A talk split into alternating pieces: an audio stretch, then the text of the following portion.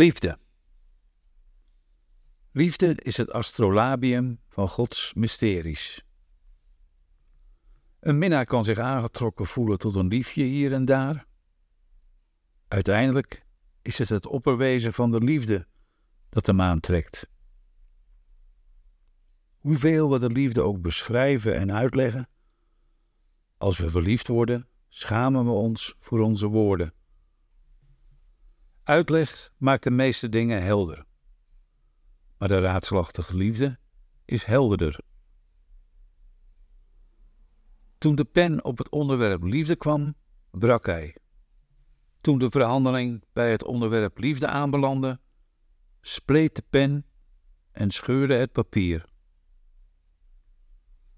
Als het intellect de liefde probeert uit te leggen, gaat het jammerlijk onderuit als een ezel op een modderig pad. Alleen liefde zelf kan de liefde en geliefde verklaren. Het bewijs van de zon is de zon zelf. Als je de liefde wilt zien, keer je er dan niet vanaf. De dood. Als ik sterf, als mijn kist wordt weggedragen, moet je niet denken dat ik deze wereld mis. Huil niet. Jammer niet. Ik val niet in een monsterlijke afgrond. Als je ziet dat mijn lichaam wordt afgevoerd, huil niet om mijn vertrek. Ik heb de eeuwige liefde bereikt. Als je me achterlaat in het graf, zeg dan niet vaarwel. Weet dat het graf slechts een gordijn is voor het paradijs erachter. Je ziet me afdalen in een graf. Maar kijk eens hoe ik reis. Hoe kan een eind bestaan? Wat eruit ziet als een zonsondergang, is in werkelijkheid het ochtendgloren.